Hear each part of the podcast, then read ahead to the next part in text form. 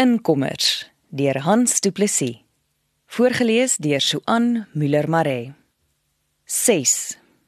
My Benny Afrikaner sê: Hartlam, om in die kom te kan oorleef, moet jy die Afrikaners verstaan. En dit is nie so maklik nie.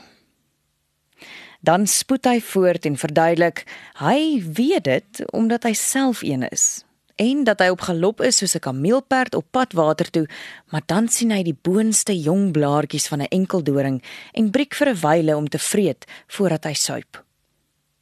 Benny gesels oor die Afrikaners sodat hy by die omgewing en bewaring kan uitkom. Solank hy net 'n paar ore het wat hoor. Ja, party van ons, soos broer Johnny, glo mos dat God ons met 'n doel hier in die koepel geplant het. Wat die doel is, word net vaag weggeformuleer. As dat ons die beskawing kom vestig het. Maar beskawing is eintlik niks anders as dit wat jy en jou mense van jouself dink nie. Luister maar as die bure die slag op 'n Sondag bymekaar kom en politiek begin praat.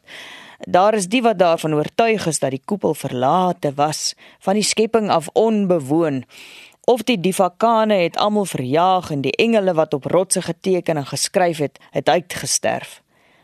Daarom was die witte se vestiging hier nooit grondbesetting of kolonisasie nie. Ons het die evangelie gebring met die woord onder die een arm en 'n geweer oor die skouer. Hier was dan niemand nie.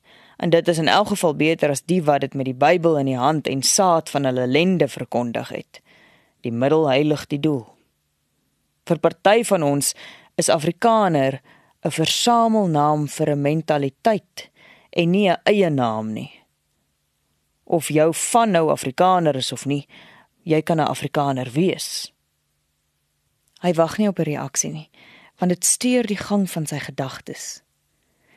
Jy ken die koepel nog nie lank genoeg nie, hartlam. Maar hy kan vir jou soos 'n droë grashalmpie begin te kou en uitspoeg as jy nie vir hom ook omgee nie.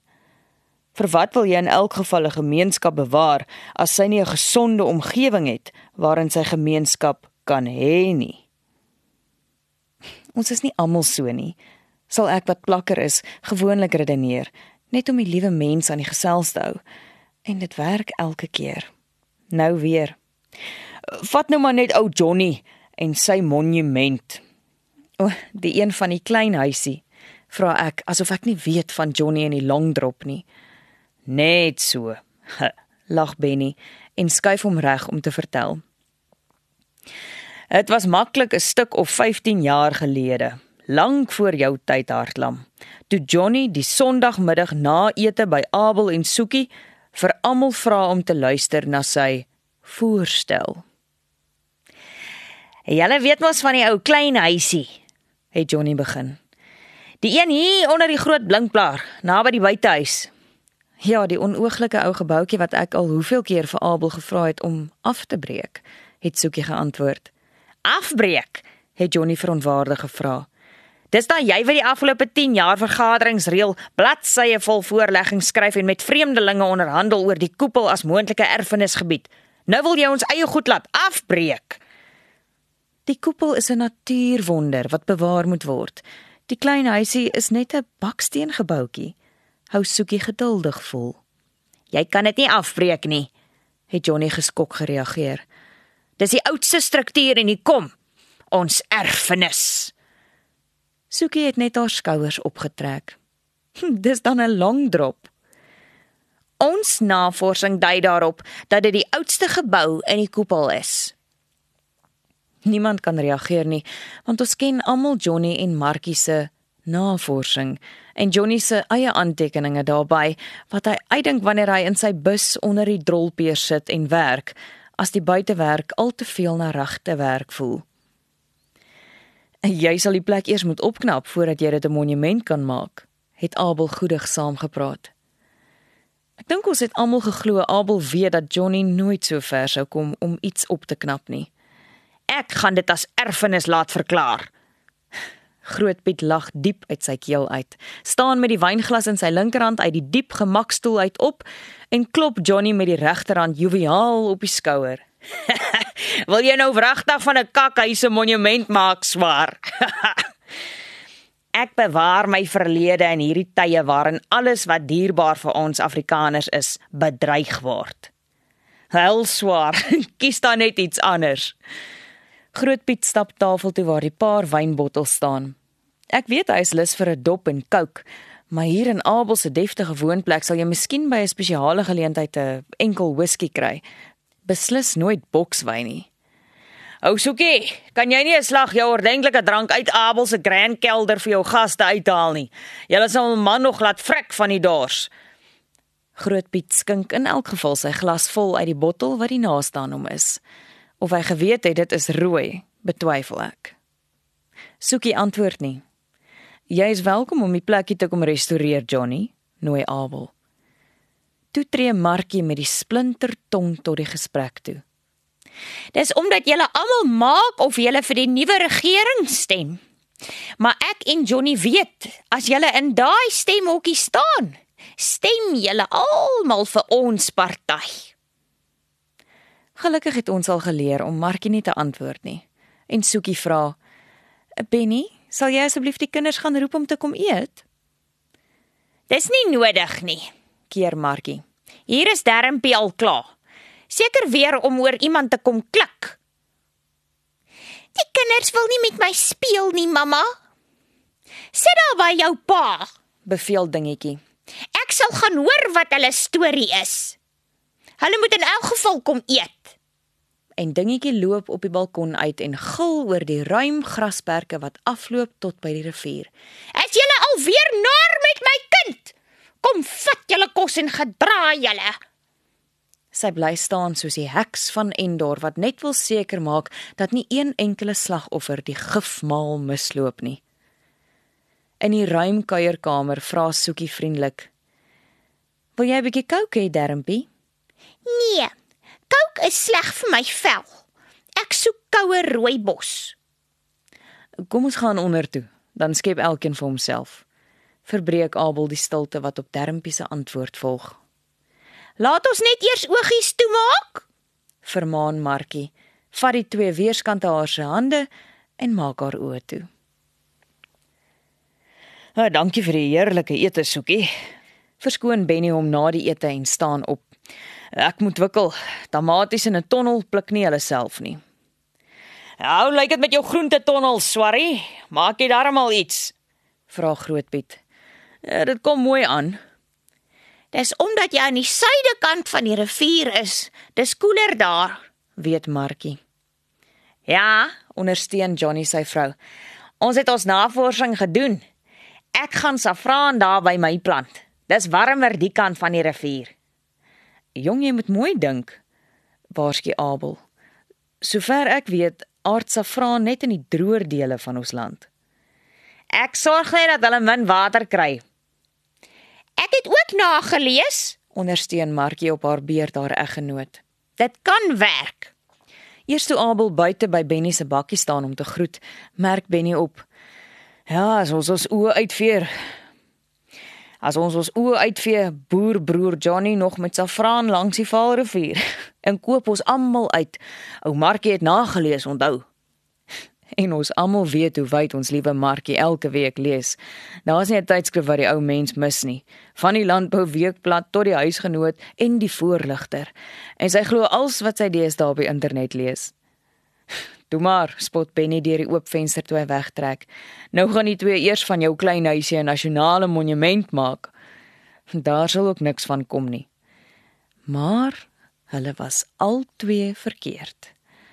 Die maandagooggend bel Abel. Jy sal my nie glo nie, Benny, maar jou broer is hier buite by die ou toilet besig om iets te doen. Markie is saam met hom met 'n roller en 'n oorpak aan die verf. So teen 10:00 die maandagooggend maak Abel 'n draai by die werkery aan die ou tabakskuur op die kom om te sien hoe die werkers vorder met die werk aan Soekie se droom van 'n gastehuis in die skuur. Droom is wat sy Soekie aan die gang hou en vandat hulle die deel van die kom waarop die oorspronklike opstal is by Johnny gekoop het, het sy oor 'n gastehuis in 'n wêrelderfenisgebied gedroom. En as Soekie begin droom, weet hy van die begin af rus sy liewe vrou nie voordat die droom werklikheid is nie. Sy spot nog altyd. Hy moet onthou, sy was die blonde eerstejaar met die blou oë wat die koshuiskantoor ingekom het met die mal idee van 'n joelvlot met 'n beeld van die rektor op die dak van die studentesentrum. Almal het gedink dis onmoontlik. Wie gaan die beeld maak en wie gaan al die duisende blommetjies uit papier vou en in die raamwerk van sifdraad druk? Ek en die ander meisies en hulle het. Oom Abel? onderbreek 'n jong stemmetjie sy gedagtegang. My ma vra of oom nie vir ons 'n saag het om te leen nie. Is jy dan nie vandag skool toe nie, Gertjie? Dan die soekie is mos al vroeg weg om julle in te vat. My ma sê sy kan my meer van geskiedenis hier op die kom leer as wat hulle ons in die skool kan leer. En my pa het gesê ek moet help met die monument. Ons kan môre weer skool toe gaan. Die skool sal nie weghol nie, sê my ma. Abel het nie woorde nie.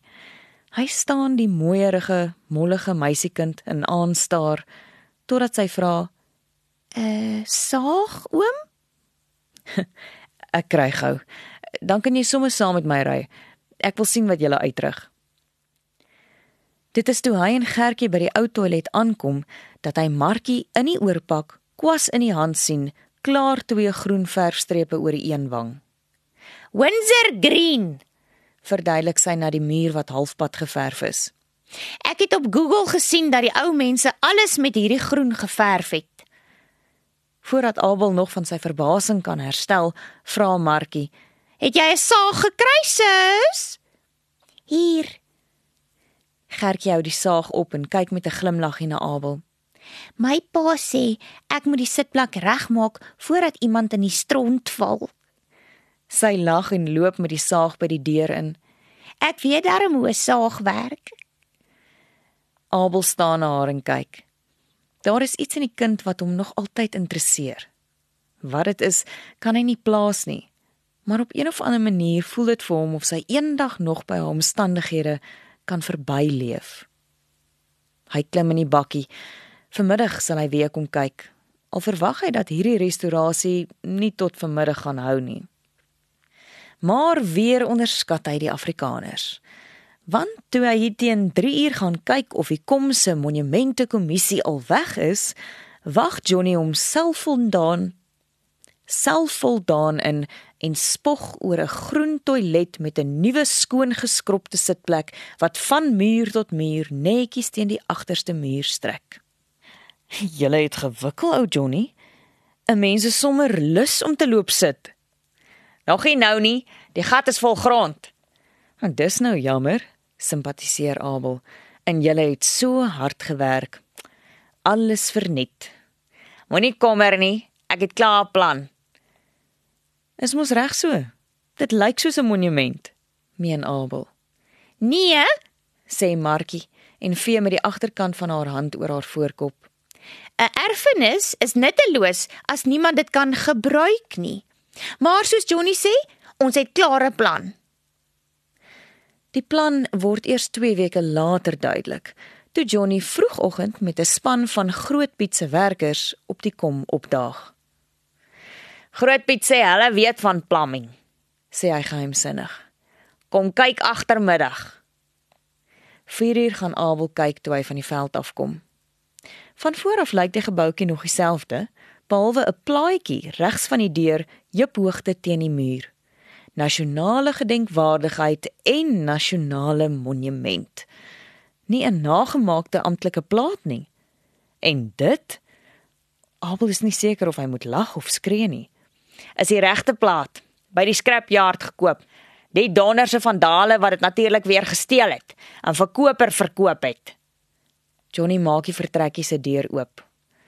Abel sien eers net die skoon houtsitplek met die ronde gat. Dan sien hy die kroomknop van 'n moderne toilet in die agterste muur. Hy loer by die gat in. Die wit van die porselein toiletpan blink in die gat. Kom kyk agter. Johnny stap om asof hy weet Abel is agter hom. Buite teen die agterste muur is die wit watertank netjies gemonteer. Nou is die erfenis weer bruikbaar. Johnny en Markie se monument is daar vir die nageslag om te sien en te gebruik.